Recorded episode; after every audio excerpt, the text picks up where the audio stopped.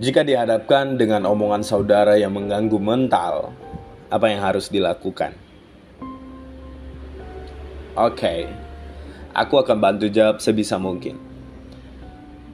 I think konflik antar keluarga memang gak bakal habisnya. Apalagi jika berlanjut akan mengganggu kesehatan mental kita. That's right. Untuk solusinya, ini kembali lagi bagaimana kalian meresponnya.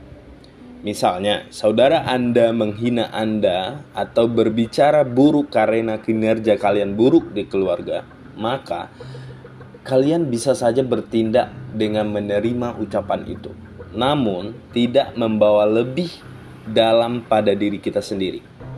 Maksudnya adalah biarkan setiap ucapan itu hanya sampai di telinga saja. Lalu cobalah sering yang positif yang berdampak baik buat kalian dan jangan bawa ke dalam hati karena di sinilah kalian akan mendapatkan pikiran negatif. Kedua, kalian harus mengelola setiap ucapan itu. Maksudnya mungkin saja perkataannya benar walaupun ucapannya di luar kata yang pantas.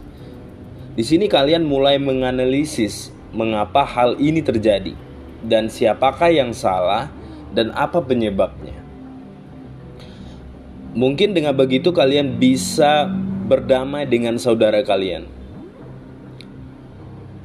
Yang terakhir, yang ketiga, kalau kalian merasa bahwa saudara kalian menjadi toksik buat diri kalian sendiri, kalian bisa mencari atau menjalin dengan teman kalian atau kedua orang tua kalian.